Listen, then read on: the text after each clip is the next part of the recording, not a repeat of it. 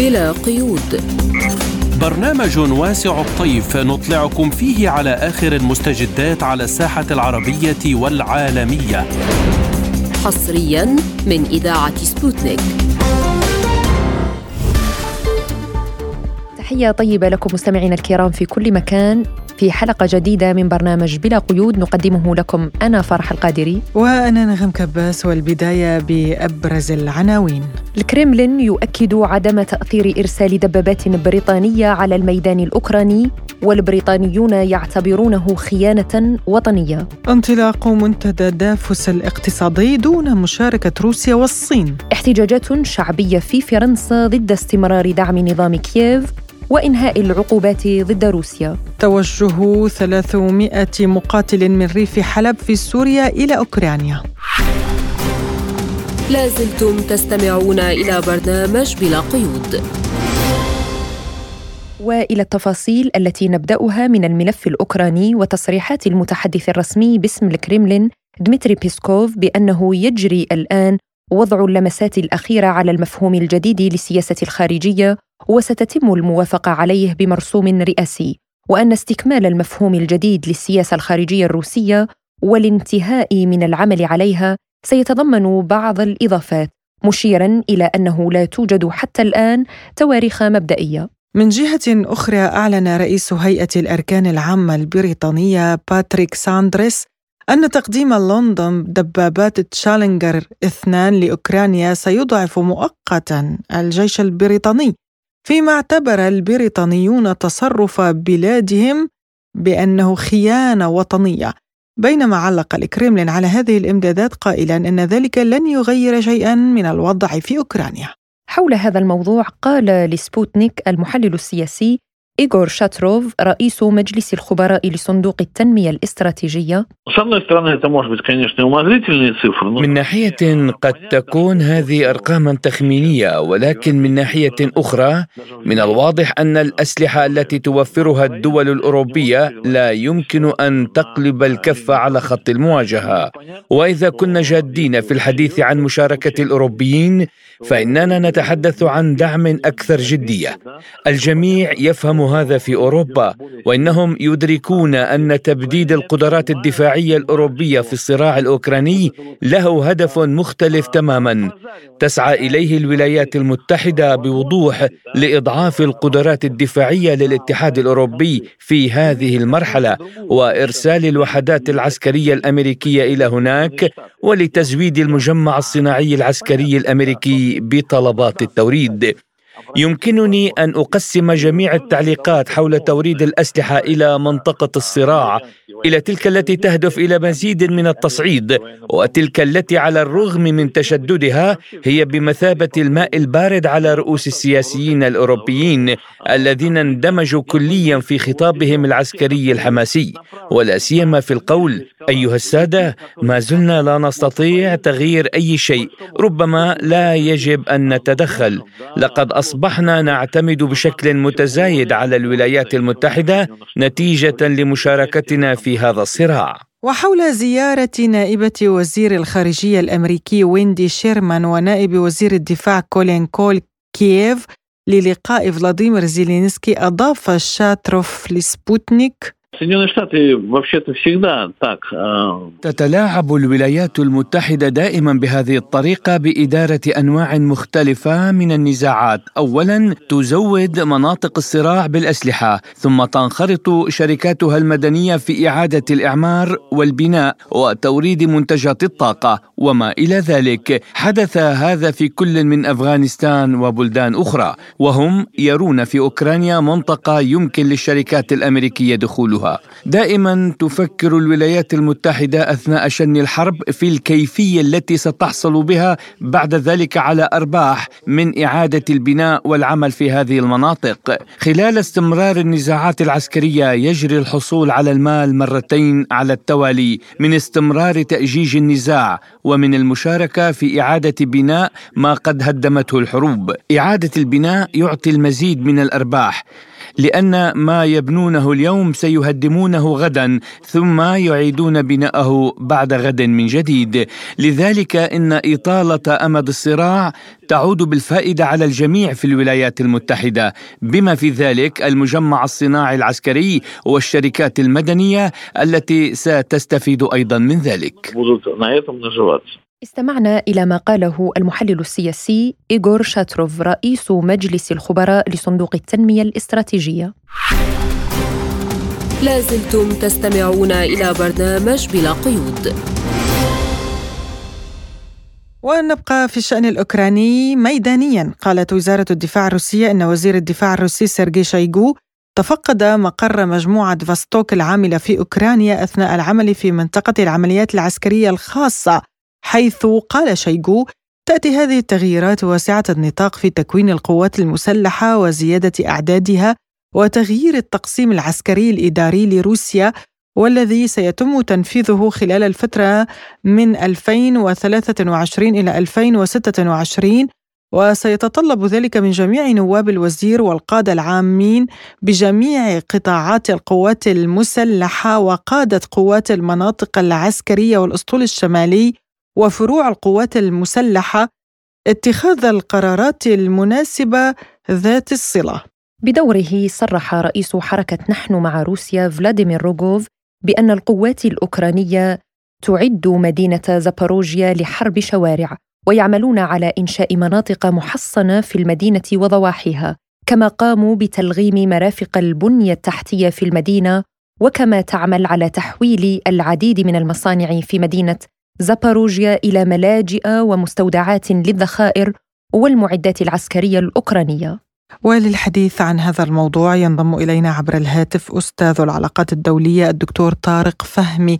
أهلا بك دكتور. أهلا وسهلا بحضرتك تفضلي يعني نبدأ من تصريح الكرملين بأنه يجري وضع لمسات أخيرة على مفهوم جديد للسياسة الخارجية للتعامل مع الغرب والاتحاد الأوروبي يعني نقطة تحول في السياسة الخارجية الروسية. برأيك كيف ستتم آه هذه السياسة الجديدة؟ آه ما ردة فعل الغرب عليها؟ خاصة أنه اعتدنا أن الغرب يفرض على الآخرين السياسات الخارجية. اليوم روسيا تقر سياسة جديدة. هو طبعا بالتأكيد هذه الخطوة الروسية تأتي في توقيت له دلالته من حيث التطورات الجارية في بنيه النظام الدولي من جانب. وما اعلنته الولايات المتحدة في الاستراتيجيات الأخيرة التي أعلنت في أغسطس الماضي وأكدت فيها على ثوابتها في مجال السياسة الخارجية سواء بالتعامل مع المناوئين أو الخصوم كما اسمتها الوثيقة. أو مع الحلفاء وبناء الشراكات المختلفة. فتأتي الخطوة الروسية في تقديري مرتبطة بما يجري سواء كان بالنسبة للمقارنات في مجال السياسة الخارجية للولايات المتحدة من جانب وأيضا الصين والقوى الإقليمية من جانب آخر. هذه خطوة جيدة آه، من الطبيعي ان أنه سيكون لها رد فعل لأن السياسة الخارجية آه، الروسيه تطورت في الفترة الأخيرة تطورات إيجابية ومهمة وسعت إلى بناء آه، شراكات في نطاقها وفي نفوذها ومناطق تأثيرها الكبيرة وأحيت مجالات التعاون بينها وبين حلفائها على سبيل المثال ما جرى في معاهدة الأمن الجماعي محاولة بناء شراكات أكثر فعالية في في دول الكومنولث وفي مناطق البلطيق وغيرها ومناطق التماس الاستراتيجيه أعتقد انه السياسة الخارجية الروسية الآن تنفتح بصورة كبيرة وصورة واضحة وهذا واضح طبعا في جملة التحركات الروسية سواء في منطقة الخليج العربي في منطقة الشرق الأوسط في جنوب الساحل والصحراء وفي إفريقيا.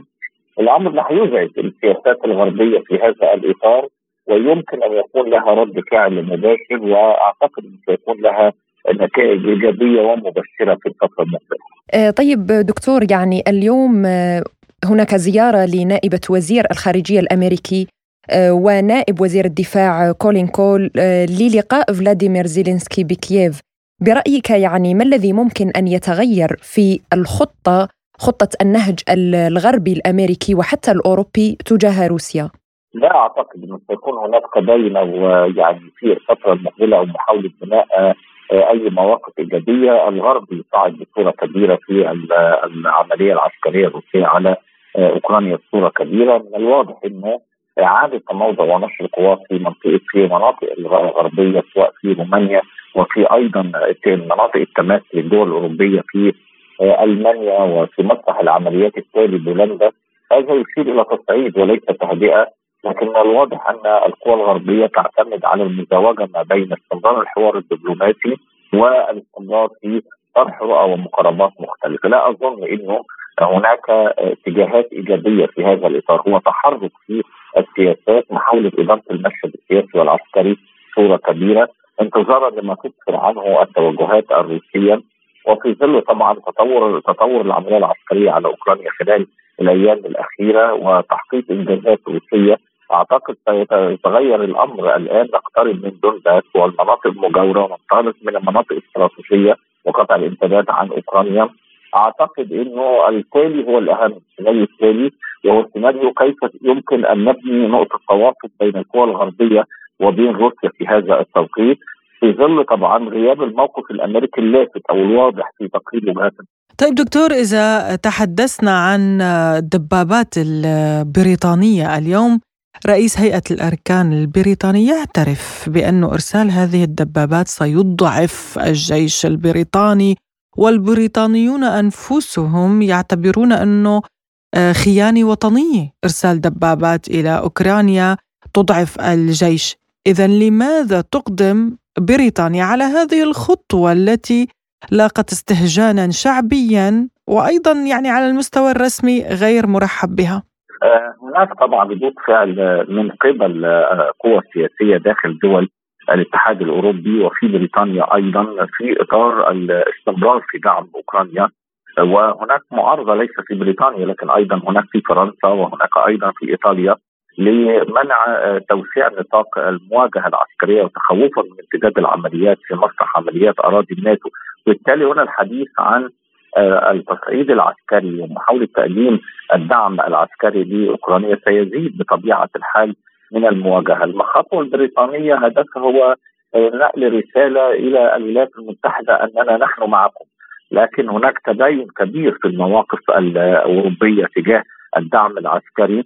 صحيح إن هناك عمليات انتشار وتموضع في مسار عمليات أخرى تخوفا من امتداد عمليات إلى آه يعني مناطق أخرى خصوصا هناك تخوف غربي كما تعلمي من نقل آه المواجهة آه إلى مناطق أخرى يعني آه الانفتاح على مصر عمليات روسيا البيضاء على سبيل المثال أو امتدادها إلى منطقة جوار زي بولندا. كل هذا سيصير إلى مشكلة حقيقية تواجه الأطراف الدولية وليس فقط الأوروبية، أنا في تقديري الشخصي تحول سير العمليات العسكرية خلال الأيام الأخيرة لصالح روسيا. سيفرض خيارات متعددة لا تنسي أن الكونغرس الجديد أيضا سيعيد فتح في الولايات المتحدة فتح ملفات مسكوت عليها خلال الأشهر الأخيرة من بدء العملية. وبالتالي موضوع يعني منح الجانب الأوكراني شيكا على بياض ودعم عسكري لا أعتقد إنه سيكون يعني يحظى بقبول كبير رغم محاولة الرئيس الأوكراني استجداء هذا من الواضح إنه الرئيس الأوكراني يضغط في هذا وجه رسائل إلى الناتو. أول اجتماع للناتو فعليا هيبقى في شهر يوليو المقبل. وبالتالي الأمر مؤجل إلى منتصف العام. وموضوع دخول آه، أوكرانيا الناتو لن يكون دخول اوتوماتيكي يعني لن يصحبه أي دعم. وأعتقد إنه لن يتم أيضا أي التحاق به هناك آه، تبينات لدى الجمهور الأوروبي أيضا بالمناسبة على آه، هذا الدعم في هذا التوقيت وهناك تحفظات كاملة من دول شرق أوروبا على ما يجري فبالتالي لا أعتقد أنه سيكون توافق فيه هناك توافق واضح في هذه النقطة.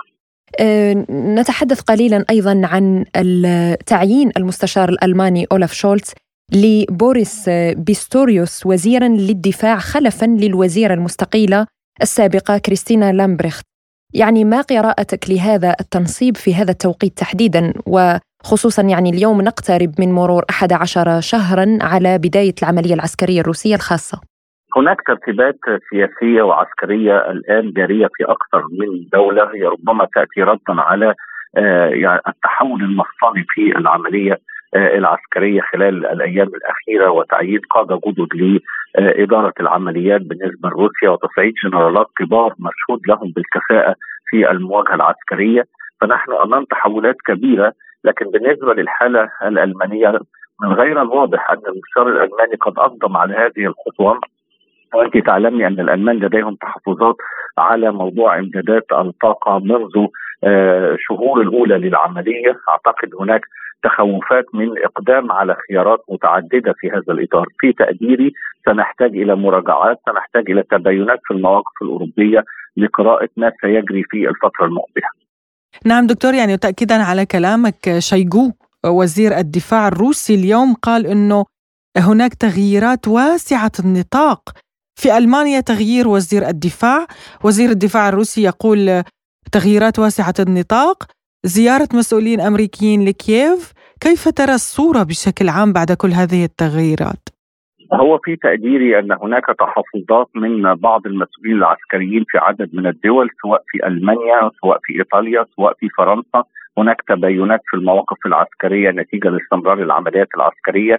دعينا ننتظر دول الاتحاد الأوروبي أغلبها القادة العسكريين لديهم تحفظات عديدة نتابعها آه، فبالتالي ما يجري الآن هو ردود فعل لما جرى في تقديري في آه، تحول العمليات العسكرية خلال الأيام الأخيرة بالنسبة للجانب الروسي وبالتالي هناك تخوفات حقيقية من الانتقال من عملية محدودة إلى عملية عسكرية شاملة قد تدفع أوروبا ثمنها بصورة كبيرة وليس فقط الجانب الأمريكي، اذا نحن أمام تحول مصري كبير سيكون له تبعاته خلال الفترة المقبلة. نعم وهذا كما رأينا يعني الاحتجاجات الدائرة في كل من ألمانيا وفرنسا تحديدا والعديد من الدول الأوروبية بسبب هذه الأزمة. شكرا لك أستاذ العلاقات الدولية الدكتور طارق فهمي على هذه المداخلة. شكرا دكتور. شكرا لحضرتك، شكرا يا أستاذ أنا اتفضل. لازلتم تستمعون إلى برنامج بلا قيود وإلى منتدى دافوس الاقتصادي الذي يعقد في دورته الحالية دون مشاركة روسيا والصين حيث يناقش ممثلون من أكثر من 100 دولة بما في ذلك أكثر من 50 رئيس دولة وحكومة سبل حل أزمات الغذاء والطاقة وغيرها من الأزمات التي يواجهها العالم. وتوحدت المناقشات في الاجتماع السنوي الثالث والخمسين للمنتدى والذي سيستمر حتى العشرين من يناير الجاري. ويغطي قضايا من الأمن إلى البيئة بموضوع التعاون في عالم منقسم. فهل يمكن مناقشة المشاكل الاقتصادية الملحة في العالم دون مشاركة روسيا والصين؟ هل ستكون طرق حل الأزمات المقترحة على المشاركين في المنتدى موضوعية أم ستسعى كل واحدة إلى تحقيق مصالح شخصية عن هذه الأسئلة أجاب الخبير الاقتصادي الدكتور عبد النبي عبد المطلب بقوله لي بلا قيود. انعقاد المنتدى الاقتصادي العالمي في ديفوس بعد تغيب أثناء فترة كورونا هذه المرة هو بالتاكيد حدث استثنائي لكن عندما يتم النظر إلى أن بعض الاقتصادات الكبرى مثل روسيا التي تأكد عدم حضورها وكذلك الصين فانني في اعتقادي أن القرارات والتوصيات أو حتى القضايا التي سوف يتم مناقشتها داخل المنتدى سوف تكون ناقصة وسوف ينقصها الكثير. وقد لا تقدم الحلول التي يتمناها العالم للخروج من الأزمات الاقتصادية الحالية، يعني لا أحد ينكر أن العالم يعاني من أزمات اقتصادية، ارتفاع معدلات التضخم الذي وصل إلى مستوى الرقمين في غالبية دول العالم بما فيهم الاقتصاد الأمريكي والاقتصاد الأوروبي، أيضا هناك تخوف من شح الغذاء خلال العام الحالي والعام القادم بسبب خروج جزء كبير من الإنتاج العالمي المتمثل في في أوكرانيا.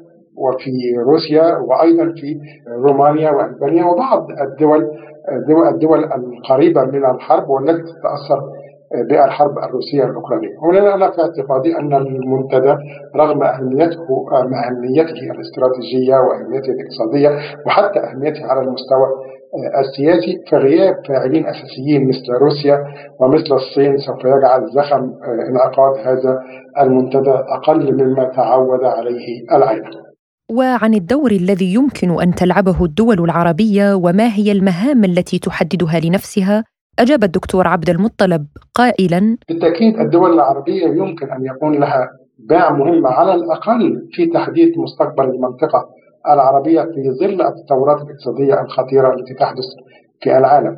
العالم الآن يتحدث عن مشاكل في الطاقة. الدول العربية من أهم المصدرين للطاقة العالم يتحدث عن أزمة محتملة أو تخوفات من حدوث مجاعة وزيادة أعداء الجوعى والفقراء. والدول العربية من أهم المستوردين للحبوب وللغذاء ويأتي جزء مهم من واردات الحبوب والأغذية العربية من روسيا وأوكرانيا. والدول في منطقة البلقان ومن هنا أنا في اعتقادي أن الدول العربية يجب أن يكون لديها خطة أو رؤية موحدة حتى تتمكن من تعظيم استفادتها أو طرح رؤيتها على هذا المنتدى بما يؤدي إلى تقليل الخسائر أو المشاكل المتوقعة مستقبلا حال استمرار الحرب الروسية الأوكرانية أو توسعها وأن يكون لهم آه، بعض آه، جزء من تعظيم الاستفادة حال وجود ارتفاعات متفق عليها لأسعار النفط أو وجود خطط بديلة من أجل توفير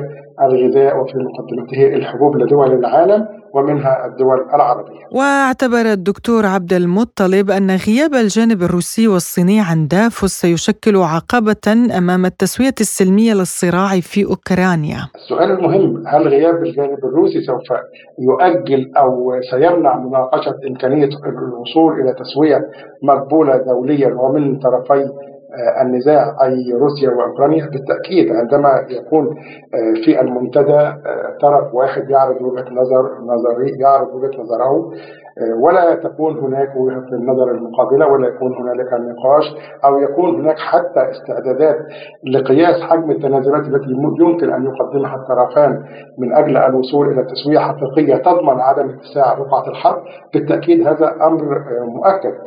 غياب روسيا سوف يمنع وجود تسوية عادلة تقبلها روسيا على الأقل آه، للحرب الروسية الأوكرانية. وكما يعلم يعني آه، استمرار الحرب الروسية الأوكرانية بيؤثر بشكل كبير جدا على كل دول العالم في مقدمتها الدول الفقيرة التي تعاني من ارتفاع الأسعار حاليا فحتى رغم آه، انخفاض أسعار القمح والذرة وغيرها من المحاصيل الغذائية لكن التضخم يجبر هذه الدول على ترشيد استهلاكها آه، من هذه المحاصيل لعدم وجود الموارد المالية المطلوبة لسداد آه، قيمة وفاتورة الغذاء. كان هذا تعليق الخبير الاقتصادي الدكتور عبد النبي عبد المطلب حول المنتدى الاقتصادي المنعقد في دافوس. لازلتم تستمعون إلى برنامج بلا قيود. وإلى الاحتجاجات الشعبية في فرنسا وأوروبا بشكل عام وأيضا ألمانيا يبدو أن بداية عام 2023 في أوروبا لم تخالف توقعات المحللين كثيرا فالأزمة الاقتصادية أصبحت قاسية على المواطنين الأوروبيين. العديد من المواطنين والنشطاء والجمعيات الأهلية في فرنسا وألمانيا أكبر دولتين في الاتحاد الأوروبي اقتصادياً شهدت مجموعة من التظاهرات الاحتجاجية بسبب تردي الوضع الاقتصادي وسط دعوات لرفع العقوبات المفروضة على روسيا وإنهاء دعم نظام كييف كما تطالب جماعات فرنسية بالخروج من الاتحاد الأوروبي وحلف الناتو هذا ودعا وزير المالية الفرنسي إلى سياسة أوروبية جديدة لحماية القاعدة الصناعية للاتحاد الأوروبي في مواجهة الإعانات الأمريكية الهائلة التي يمكن أن تضر بالوظائف والاقتصاد في القارة العجوز. وحتى نناقش هذا الموضوع أكثر نستضيف معنا المحلل السياسي والخبير بالشؤون الأوروبية وأستاذ القانون الدولي الدكتور إسماعيل خلف الله. أهلا وسهلا بك ضيفا عزيزا على برنامج بلا قيود وشكرا لك لتلبية الدعوة. مرحبا بكم تحية لكم وللسادة المستمعين الكرام. أه نتحدث عن هذه الاحتجاجات التي لم تخالف توقعات محللين كثر يعني مع بداية هذه السنة. أه وما يعيشه العالم من هذه الأزمة الروسية الأوكرانية. برأيك يعني هل ستغير الاحتجاجات في فرنسا تحديدا من قرارات القادة الأوروبيين حول العقوبات التي فرضت على روسيا؟ نحن آه، تكلمنا في هذا الموضوع على أساس أن العقوبات التي آه، تم فرضها على روسيا من خلال المجموعة الغربية ككل وارتداداتها على الشارع الأوروبي والشارع الغربي والشارع الفرنسي إذا كنا نتكلم على فرنسا قلنا حينها قلنا بأن الشارع الفرنسي والأوروبي بصفة عامة. لن لن سيتحرك بدون أدنى شك وسيرفض تلك العقوبات وتلك الفاتورة التي أصبحت تثقل جيبه وأصبحت تؤثر على حياته اليومية وحتى أن الرفاهية التي كان يعيشها الفرد الأوروبي والفرد الفرنسي أصبحت مهددة انطلاقا من انعدام الطاقة والشح في في مادة الطاقة والغاز وثم أيضا ارتفاع الأسعار نعم. والتضخم وإلى ما غير ذلك فهذا قلنا في حينها قلنا هذا هذه الظروف سوف تدفع هذا الشارع إلى الشارع إلى الغليان وإلى الاحتجاج وهذا سوف يكون عنصرا ضاغطا على الحكومات الأوروبية وعلى الحكومة الفرنسية على وجه الخصوص بأن تؤثر على موقفها من تجاه آه، السياسة المتبعة والعقوبات المتبعة ضد روسيا وحتى التوجهات التي يرسمها ترسمها الكتلة الغربية في نظرتها للأزمة الروسية الأوكرانية. نعم اليوم هناك شعارات من آه، لا سيما يعني الاحتجاجات التي حصلت في فرنسا وفي ألمانيا تحديدا آه، الدولتين القائدتين في الاقتصاد الأوروبي التي تنادي بعدم آه، ضخ المزيد من المساعدات المالية والعسكرية إلى نظام كييف وإلى الجيش الأوكراني، هل برأيك يعني هذا الدعم الأوروبي لأوكرانيا سيتضاءل وسيستمع القادة الأوروبيين إلى مطالب شعوبهم بكل تأكيد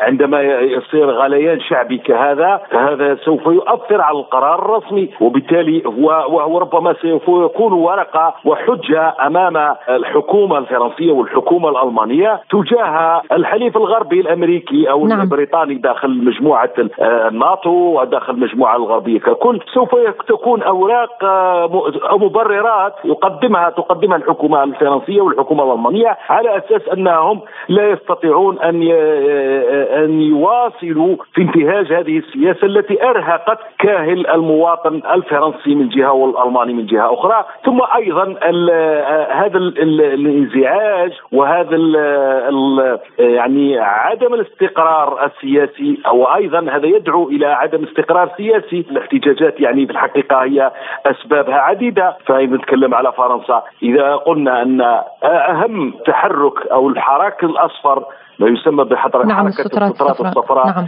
ما السبب في نهوضها وخروجها؟ هو ارتفاع نسبي في سعر البنزين وفي ارتفاع نسبي في في, في قضية الضرائب. إذا كنا اليوم نقول هذا هذا كان هذا سبب أخرج هذه السترات الصفراء. فهنا اليوم هناك أسباب كثيرة. سوف تخرج السترات الصفراء وكل الألوان. نعم. كل الألوان سوف تخرج. إذا فاعتقد أن هذا هو يعني عنصر ضاغط بشكل مباشر وغير مباشر على الحكومة الفرنسية من جهة والحكومة الألمانية من جهة على أن تتخذ موقفا حاسما من هذه الأزمة التي يراد لها أن يطول أمدها على حساب المصالح الأوروبية، كنا نقول دائما بأن العقوبات هي بطريقة أو بأخرى هي عقوبات على الطرف الأوروبي على حساب وبالمقابل هناك استفادة لأمريكا على هذا الحساب يعني ما تم توفيره واستثماره في جانب مبيعات السلاح وأيضا إلى الاستثمارات التي أصبحت أو الأسواق التي التهمتها الولايات المتحدة الأمريكية نعم. سواء في قضية الغاز المسال لأوروبا أو أيضا إلى يعني الشركات الأوروبية التي هاجرت إلى وخرجت من, من أوروبا وهاجرت إلى أمريكا. هذا نعم. نعم. طيب دكتور يعني من بين الشعارات التي تم رفعها خلال الاحتجاجات هو المطالبة بخروج فرنسا من الاتحاد الأوروبي. هل يمكن أن يكون هذا المطلب واقعيا؟ هل يمكن أن توافق الحكومة الفرنسية على ذلك؟ يعني تنظر إلى مصلحتها و آه، يعني لا تأبه للسياسة الأمريكية. وما تريده أمريكا في سبيل الخروج من هذه الأزمة الاقتصادية وتهدئة الشارع؟ نحن نقول يعني إذا كان هذا الطلب سقف المطالب يصعد إلى أن يصل إلى المطالبة الشعبية بالخروج من من من الاتحاد الأوروبي. وهذا سوف يؤثر على البيت الأوروبي. ونحن نعلم أن العمود أو من الأعمدة البيت الأوروبي هي فرنسا وألمانيا. نعم. فإذا سقط عمود من هذا بالتالي نقول أن الاتحاد سوف يسقط. وهذا الذي قلت أنا سيكون مبرر أمام الحليف الامريكي على أساس أننا لا نستطيع أن نضحي بالبيت الأوروبي على بالمقابل بالوقوف مع أوكرانيا في أزمة أو في قضية خاسرة وترهق بطبيعة الحال الاقتصاديات وتؤثر على الاقتصاديات الأوروبية وأيضا يعني الواضح وهذا تكلمنا فيها كثيرا يعني قضية أن الشراكة التي كانت تربط الاتحاد الأوروبي بالشريك الروسي فيما يتعلق بالطاقة أو فيما يتعلق بالواردات الأوروبية إلى روسيا وما كانت تحصده الآلة التجارية الأوروبية من تصديرها لكميات كبيرة من في الجانب التجاري إلى روسيا، اذا ليس فقط أن روسيا تبيع الطاقة والغاز بل كانت أوروبا تصدر ولها شراكة قوية مع روسيا. اذا فأعتقد أن كل هذه ستكون تراكمات وملفات تثقل آه، التوجه أو تدفع إلى المراجعة مراجعة هذه السياسة التي تتبعها أوروبا مع حليفها الأمريكي الذي يريد أن يذهب بها إلى الهاوية. الدمار والخراب وخاصة. والهاوية وإذا كنا إذا قلنا بأن فرنسا تخرج من الاتحاد الأوروبي فنقرأ الاتحاد الأوروبي نقرأ عليه السلام. خلاص انتهى العمود. يعني الاساسي اللي هو فرنسا وألمانيا. اذا سيؤول إلى الزوال. طيب سؤال أخير لحضرتك. يعني إلى أي مدى ترى أن الأزمة الروسية الأوكرانية آه، كما قلت أدت بأوروبا إلى الهاوية؟ وهذا من الجانب الغربي وليس من الجانب الروسي طبعا. نحن في البداية قلنا أن عندما بدأت العملية العسكرية في 24 فبراير العام الماضي كنا نقول قلنا حينها بأن مقاصد أمريكا من التصعيد أو الولايات المتحدة الأمريكية من التصعيد ومن استفزاز روسيا هو أن تريد أن تحقق أهداف ومن أهم هذه الأهداف هو ضرب هذه الشراكة الممتدة والعريضة بين روسيا وأوروبا والاتحاد الأوروبي. ثم أيضا هي تريد ان لا تريد تستنزف تستنزف الطرف الروسي فقط بل هي تريد أن تستنزف الحليف الأوروبي من خلال تكسير وعملية هدم للصناعة الأوروبية اليوم عندما نرى بأن المصانع الأوروبية تتوقف الآلة الصناعية الأوروبية الألمانية التي كانت تشتغل بالغاز الروسي اليوم متوقفة وهذه هذه كلها كانت يعني مطلب سعي الأمريكي لهذا لأنها ترى في أن اولا الشراكة الأوروبية الروسية كانت تتخوف منها أنها تصبح تحالف نعم. يمتد وتمتد أعماقه إلى جوانب أمنية وهذا الذي كانت لا تريده ثم أيضا هي لا كانت لا تريد أن يتغول ال ال ال ال الشريك والحليف الأوروبي تجعله دائما تحت سياستها ولا تريد له الاستقلالية سواء في الجانب الأمني وهي اليوم ليس فقط في الجانب الأمني بل الاقتصادي هي ضربت اقتصاد أوروبا في الصميم. الخبير بالشؤون الأوروبية وأستاذ القانون الدولي الدكتور إسماعيل خلف الله كنت معنا عبر الهاتف من باريس شكرا جزيلا لك على هذه المداخلة. شكرا شكرا. لازلتم تستمعون إلى برنامج بلا قيود. وإلى سوريا للحديث عن انتقال 300 مقاتل من ريف حلب إلى أوكرانيا حيث كشفت مصادر محلية مصادر. في ريف حلب الشمالي لسبوتنيك عن أن مكاتب تجنيد تابعة لقياديين فيما يعرف باسم الجيش الوطني الذي شكلته تركيا شمالي سوريا نجحت في استقطاب نحو 300 مسلح من عدة مناطق في أرياف حلب الشمالية والغربية وأن هذه المكاتب تتوزع على مدن عفرين وجرابلس وعزاز وتنشط بشكل حثيث في تطويع المسلحين السابقين ممن تتراوح أعمارهم بين السابعة عشر والخمسة والأربعين عاماً على وجه الخصوص إلا أنها تتواصل أيضاً مع المدنيين الشباب العاطلين عن العمل وذلك للسفر كمرتزقة إلى أوكرانيا والقتال ضد الوحدات الروسية هناك. وأوضحت المصادر أن البدل المادي الذي سيحصل عليه المسلح لقاء قتال الجيش الروسي في أوكرانيا يشمل راتبا شهريا مقطوعا يصل إلى 2500 دولار شهريا إذا كان يتمتع بخبرة قتالية مشهودة ويقل عن ذلك بشكل كيفي لكل مرتزق يتم تجنيده بخبرة أقل. وللوقوف على تفاصيل هذا الموضوع ينضم إلينا عبر الهاتف من حلب الخبير السياسي والعسكري الدكتور كمال جفا. أهلا بك دكتور في برنامج بلا قيود.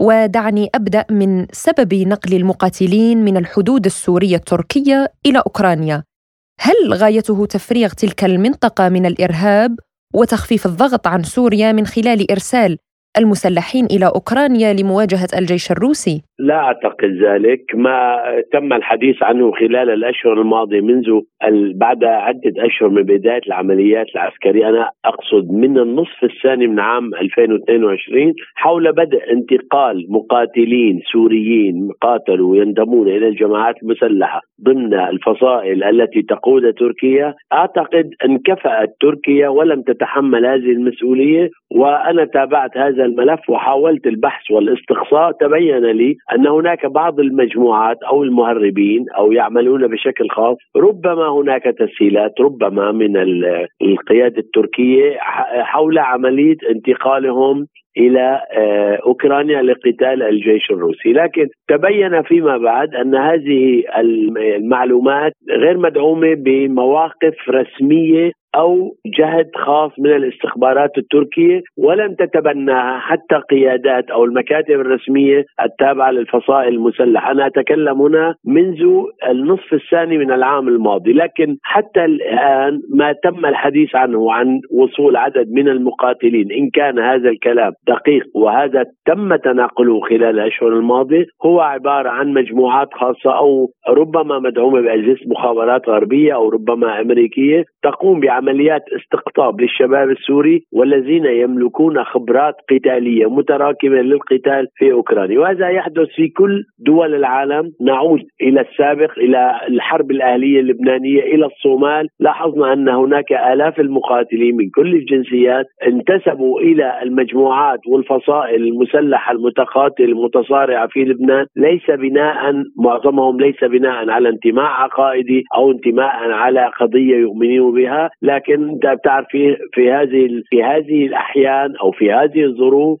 تنشط مجموعات التهريب أو الرقيق الأبيض وهي والتي تقوم بتهريب البشر وتهريب المقاتلين بالعمل كما حدث آه، آه، عندما قامت تركيا باستقطاب المقاتلين التركستان والشيشان ونقلهم عبر من من أفغانستان ومن تركستان الشرقية إلى سوريا حيث بلغ عدد هؤلاء فقط من الشيشان والتركستان أكثر من خمسين ألف مقاتل خلال السنوات الأخيرة. نعم المعلومات المتقاطعة تقول أن عدد من السوريين انتقلوا إلى أوكرانيا لكن ليس كما ليبيا. ليبيا قامت تركيا بنقل مجموعات بشكل منظم عبر شركات الطيران آه، آه، التركية آه، عبر المطارات التركية إلى مطارات الليبية وتبنت الدولة التركية هذا الملف بشكل رسمي وقامت آه، بوضعهم على أماكن آبار النفط وبعض المنشآت العسكرية التي تتواجد فيها القوات التركية أو التحالف المؤيد لتركيا. يعني برأيك دكتور تركيا بريئة من هذه الأفعال يعني أفهم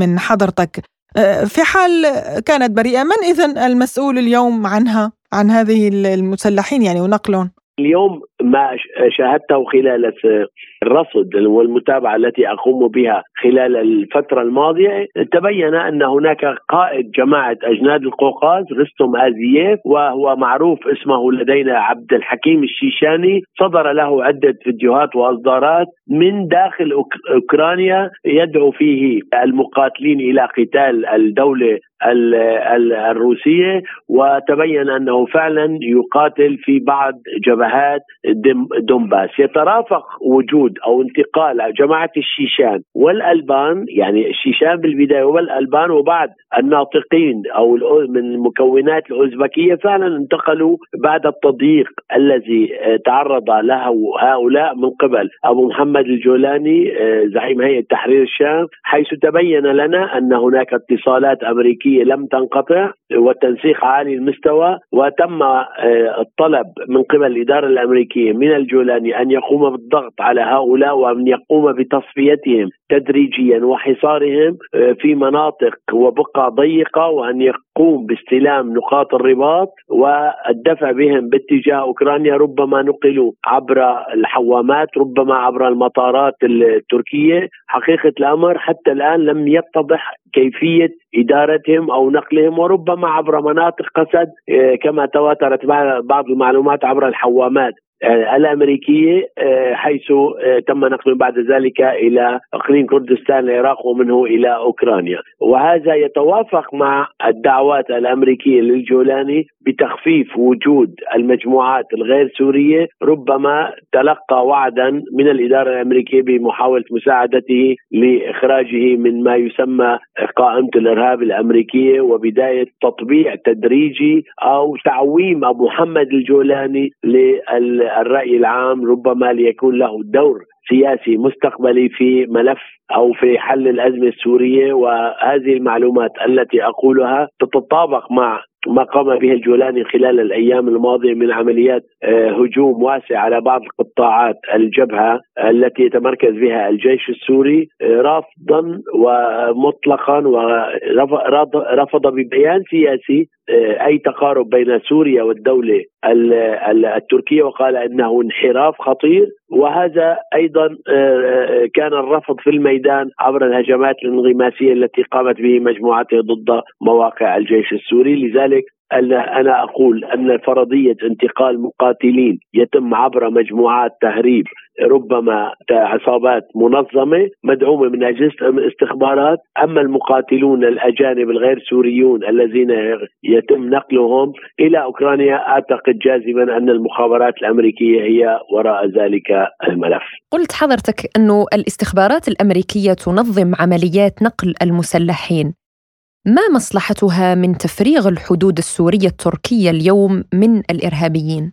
أنا لا أقول لك أن الإدارة الأمريكية من خلال التواصل مع بعض القيادات التركستانية وعدتهم بأن يكون لهم آه، وجود آه، طويل الأمد على الحدود السورية التركية ووعدتهم بأن تقدم لهم معونات سنوية ببناء حوالي 500 مسكن سنويا لكي يبقوا على نقطة أو مناطق الحدودية بين سوريا وتركيا، هذا كلام موثق لدينا، لكن أنا موضوع أقول موضوع انتقال مقاتلين غير سوريين إلى أوكرانيا ربما يعني يكون هاد ضمن آه، كميات قليلة وليست ضمن مجموعات ضخمة، اللي في تشرين الأول آه، يعني 22 آه، انتقل في دفعة واحدة 25 مقاتل من جماعة عبد الحكيم الشيشاني يعني من كتيبة الشيخ منصور الشيشانيه التي تقاتل اليوم إلى جانب القوات الأوكرانية. يعني انتقلوا لصالح كتيبة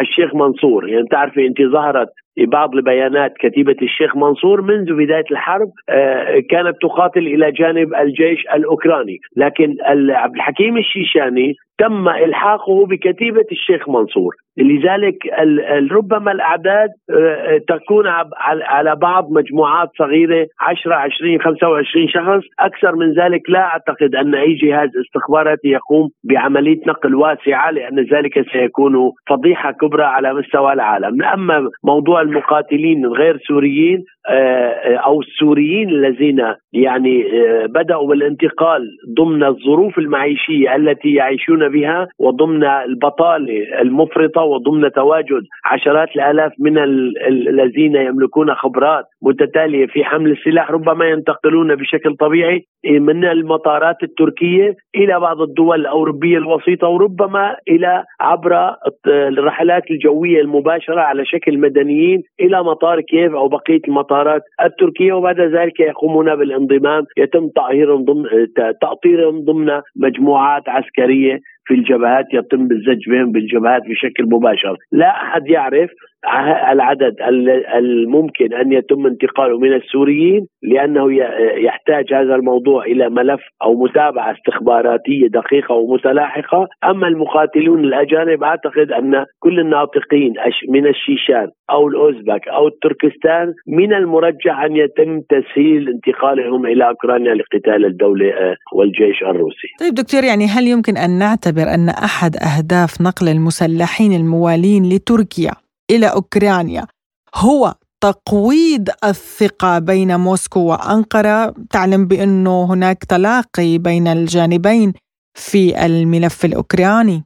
نعم أعتقد لا زال موقف تركيا ليس حاسما بالكامل بالوقوف جانب الدولة الأوكرانية أو القيادة الأوكرانية. وليس حاسما أنه تقوم بالانصياع بشكل بشكل مباشر آه، للمطالب الأمريكية. اليوم تمسك العصا من المنتصف. تركيا تقيم علاقات جيدة اقتصادية حتى ربما تنسيق عسكري أو أمني مع روسيا. وفي المقابل لا تقطع حبل الود مع أوكرانيا وتسهل عبور هؤلاء إلى المطارات الأوكرانية. أقول لك أنهم لا ينقلون إلى أوكرانيا مسلحين مدججين بالسلاح عبر رحلات جوية منظمة. ينقلون بشكل مجموعات إفرادية ويتم تأطيرهم واستقطابهم وزجهم في ساحات المعارك في أوكرانيا بعد وصولهم إلى أوكرانيا، لذلك ربما يكون تح يعني تحرص آه، أنقرة على عدم يعني إظهار أو تظهير أي تظهير لنقل هؤلاء وتنأى بها نفسها لكي لا يكون هناك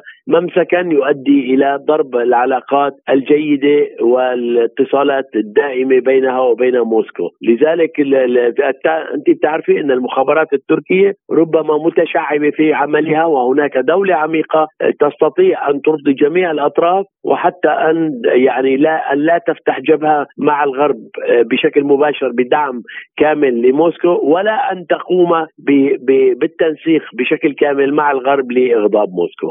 الخبير السياسي والعسكري الدكتور كمال جفا كنت معنا عبر الهاتف من حلب سوريا. شكرا جزيلا لك. لازلتم تستمعون إلى برنامج بلا قيود. ولدينا في بلا قيود أيضا الولايات المتحدة تدعم وسائل الإعلام السورية المستقلة ب 15 مليون دولار بهدف تحسين إمكانية حصول السوريين على معلومات دقيقة. وتزعم الخارجية الأمريكية بأن مروجي المعلومات المضلله يشكلون صورة مشوهة للأحداث والواقع الحالي ويقدمونها في سياق خاطئ غالبا من خلال اقتطاع الصور ومقاطع الفيديو بشكل منفرد. للحديث أكثر حول هذا الموضوع. نستضيف معنا الخبير بالشؤون الأمريكية الكاتب والمحلل السوري ستيفن صهيوني. أهلا وسهلا بك. ونبدأ من هذا الدعم المالي الذي تقدمه أمريكا إلى الإعلام السوري. برأيك يعني ما هي الدوافع الحقيقية وراء ذلك؟ في بداية منذ بداية الحرب على سوريا والولايات المتحدة الأمريكية وحلفائها آه، شنوا الحرب قبل أن تكون حربا سياسية أو حربا عسكرية فكانت حربا آه، كانت حربا إعلامية على سوريا وكانت حربا إعلامية على اليمن وحرب إعلامية أيضا في كل ما يسمى الربيع العربي الولايات المتحدة الأمريكية أو لنقول البيت الأبيض بالتحديد سياسته الخارجية استخدموا الإعلام واستخدموا الحرب الإعلامية ضد سوريا كما قلت آه، ضد سوريا ضد مصر آه، تونس اليمن أيضا في حرب العراق 2003 اليوم يستخدمونها ضد روسيا يستخدمونها ضد الصين لأن الولايات المتحدة الأمريكية لديها أو بيدها بسبب سياساتها الخارجية تمتلك الامبراطوريات العالمية، هنا اتكلم عن سي ان ان، عن اتكلم عن بي بي سي، عن واشنطن بوست، نيويورك تايمز، والكثير من هذه الامبراطوريات آه، تأخذ آه، أوامرها وعندما تشن هجوم تشن هجوم بناء على أوامر من آه، الولايات المتحدة الأمريكية والسياسة الخارجية لأمريكا. طيب أشرت إلى نقطة مهمة أستاذ ستيفن هي الحرب الإعلامية التي اتبعتها أمريكا ضد سوريا عبر كل هذه السنوات. لماذا عادت اليوم واشنطن للتدخل بالشؤون الداخلية السورية برأيك؟ تدخل كما قلت الولايات المتحدة الأمريكية موجودة في شرق الفرات وأيضا تتدخل في سياسيا واقتصاديا إن كان من شن العقوبة.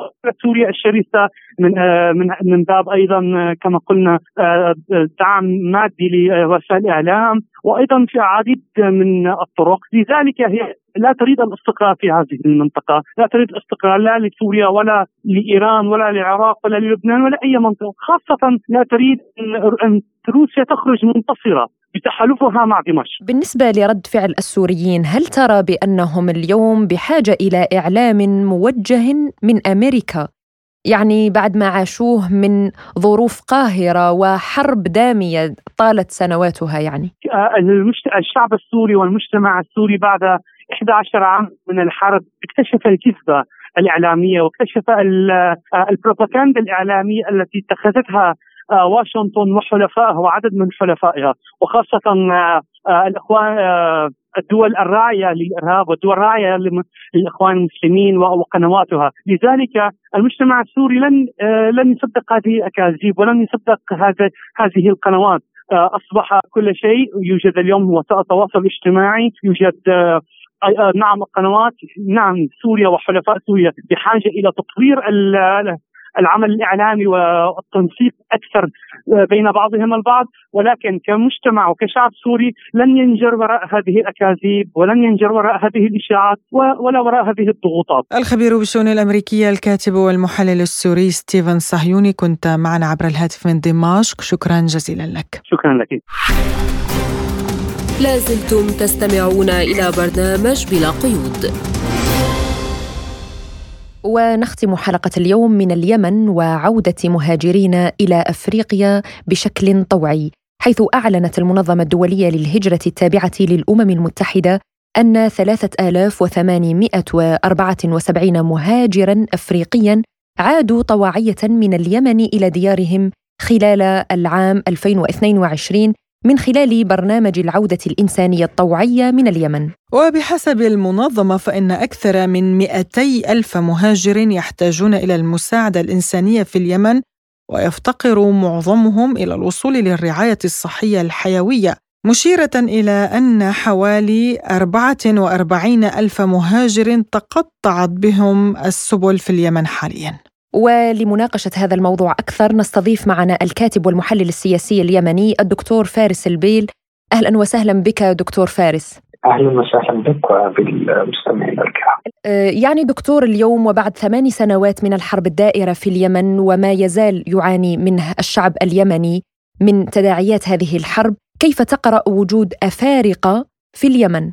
العلاقة جغرافية في تقديري بدرجة أساسية بمعنى أنه آه، اليمن تمثل الطريق الأقرب لانتقال هؤلاء المهاجرين آه، والفارين من آه، القارة الأفريقية إلى آه، مناطق أخرى إلى الجزيرة العربية ومن ثم إلى سواء باتجاه الشمال أو إلى أوروبا أو ما إليها.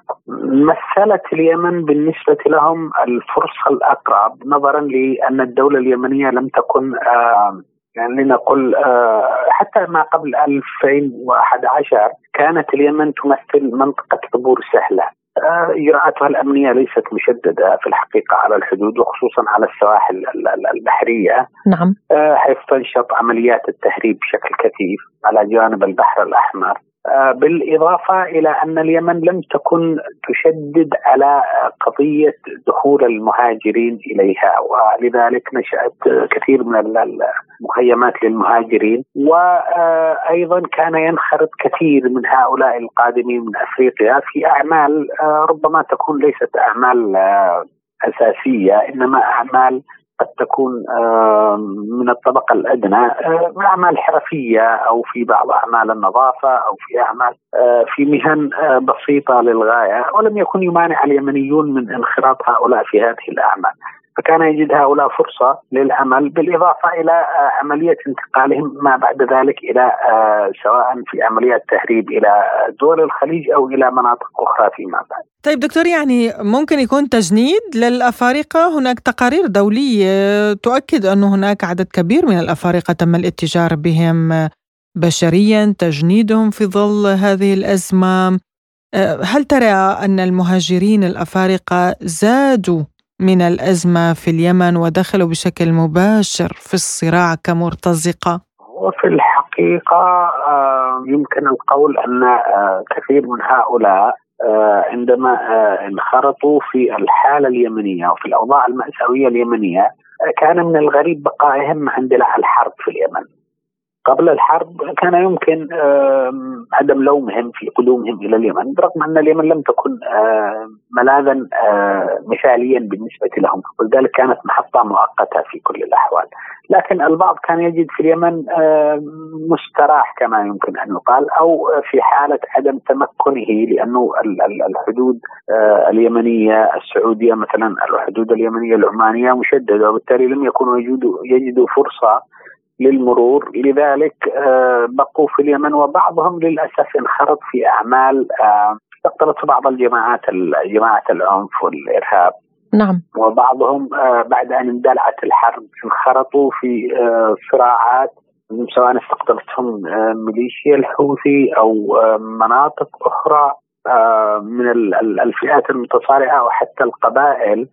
استخدموا للأسف بطريقة غير إنسانية في هذه الصراعات، سواء كانت صراعات سياسية أو حتى صراعات قبلية، وكان بعض هؤلاء القادمين من أفريقيا لأنه لا يجد قوت يومه في كثير من الأحيان أو يجد بعض المغريات من السلاح أو آه، في طريقة تدبير حياته اليومية فينخرط في هذه الصراعات. وبعضهم كانوا ضحايا لهذه الصراعات وأعداد آه، أعتقد أنه آه، لا توجد لدي إحصائيات دقيقة لكن نعم. يمكن الكثير من المنظمات أن أن تسلط الضوء على هذه النقطة المهمة في تقديري لم يسلط عليها الضوء بشكل كامل وبشكل كبير لأن الأعداد الكبيرة بعد أن اندلعت الحرب في اليمن لم لم يخرجوا في تقديري أو يعودوا إلى أوطانهم إلا بأعداد قليلة للغاية لكن كثير منهم بقوا وانخرطوا في حالة الصراع أيضا واستخدمتهم كثير من الجماعات للأسف في هذه الصراعات طيب ما هي دلالة إعادة هذا العدد من الأفارقة بشكل طوعي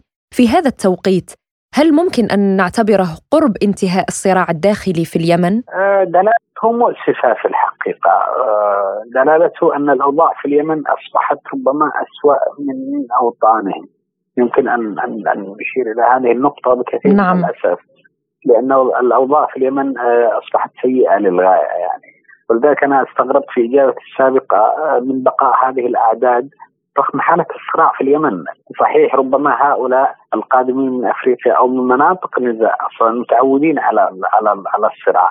لكن الأوضاع في اليمن تدهورت في في السنوات الأخيرة الأوضاع الاقتصادية والإنسانية وفقدت الأعمال وحركه الاقتصاد حتى آه، ضعفت للغاية وبالتالي لم يعد اليمنيون يجدون أعمال، حتى هؤلاء القادمين من أفريقيا كانوا يجدوا آه، أنفسهم منخرطين في كثير من الأعمال يمكن أن نسميها الهامشية آه، بسهولة. لكن الآن أعتقد أن الأوضاع أصبحت سيئة للغاية. ولذلك فعودتهم الطوعية إلى بلدانهم تأتي من فقدانهم لعوامل البقاء حتى في اليمن. نعم. ولأنهم وجدوا في اليمن آه، اوضاعا آه، ربما تكون مأساوية أكثر مما ينبغي، ولذلك من الطبيعي أن يعودوا، من الطبيعي نعم. الكاتب والمحلل السياسي اليمني الدكتور فارس البيل كنت معنا عبر الهاتف، شكرا لك على هذه المداخلة. شكرا شكرا لك. الغريب يا فرح أنه استخدام البشر العالم من الدول الفقيرة وخاصة الأفريقية بالصراعات. في سوريا مثلا الكثير من الأفارقة كانوا وأيضا من الإيغور من الصين من القوقاز الروسي آه، حاربوا ضد السوريين أنفسهم ضد وتم استغلالهم. يعني حتى أنه استغلوا الحاجة الاقتصادية. اولا أوقعوا هذه الشعوب بأزمات اقتصادية ومن ثم اشتروا وباعوا بهم كسلع ووجهوهم إلى مناطق النزاعات والحروب، يعني تعلمين يعني في بداية الحلقة آه، قرأنا عن أنه 300 مقاتل توجهوا من ريف حلب في سوريا إلى أوكرانيا. لوين؟ على أوكرانيا؟ هذا يعني أنه هني مثل السلع أو الأوراق بيستخدموها مرة باليمن مرة بسوريا مرة بأوكرانيا. ولا يريدون للمنطقة أن تهدأ. يعني الأفارقة لما اختاروا اليمن كبوابة ليعبروا بها إلى لأنها الأقرب بالنسبة إليهم. ويعني ظروف الظروف الأمنية هناك غير مشددة. حتى أنهم حين دخلوا إلى اليمن تفاجؤوا بأنهم ممكن قوبلوا بجماعات وعصابات للاتجار بالبشر وكذلك الاستغلال الجنسي الاغتصاب سواء كانوا يعني سيدات أو حتى أطفال وال يعني تشغيلهم و... يعني يعني برأيك يا فرح ممكن يكونوا ما بيعرفوا أصلا إنه هن متجهين للحرب أو للقتال ربما هم نعم نعم هم هم ذاهبين إلى هناك. بهدف تغيير أوضاعهم أو ممكن كمعبر فقط اليمن م. إلى دول أخرى والنهاية يعني والدليل أنه الكثير منهم تم ترحيلهم بطريقة طوعية لأنه فاض بهم من هذه الحرب التي عاشها اليمنيون وغير اليمنيين. إلى هنا نصل وإياكم مستمعينا إلى نهاية حلقة اليوم من بلا قيود قدمناها لكم من استديوهاتنا في موسكو أنا نغم كباس وأنا فرح القادري وللمزيد من المتابعة يمكنكم زيارة موقعنا الإلكتروني سبوتنيك أرابيك dot ae وقناتنا عبر التليجرام سبوتنيك عربي. إلى اللقاء. إلى اللقاء.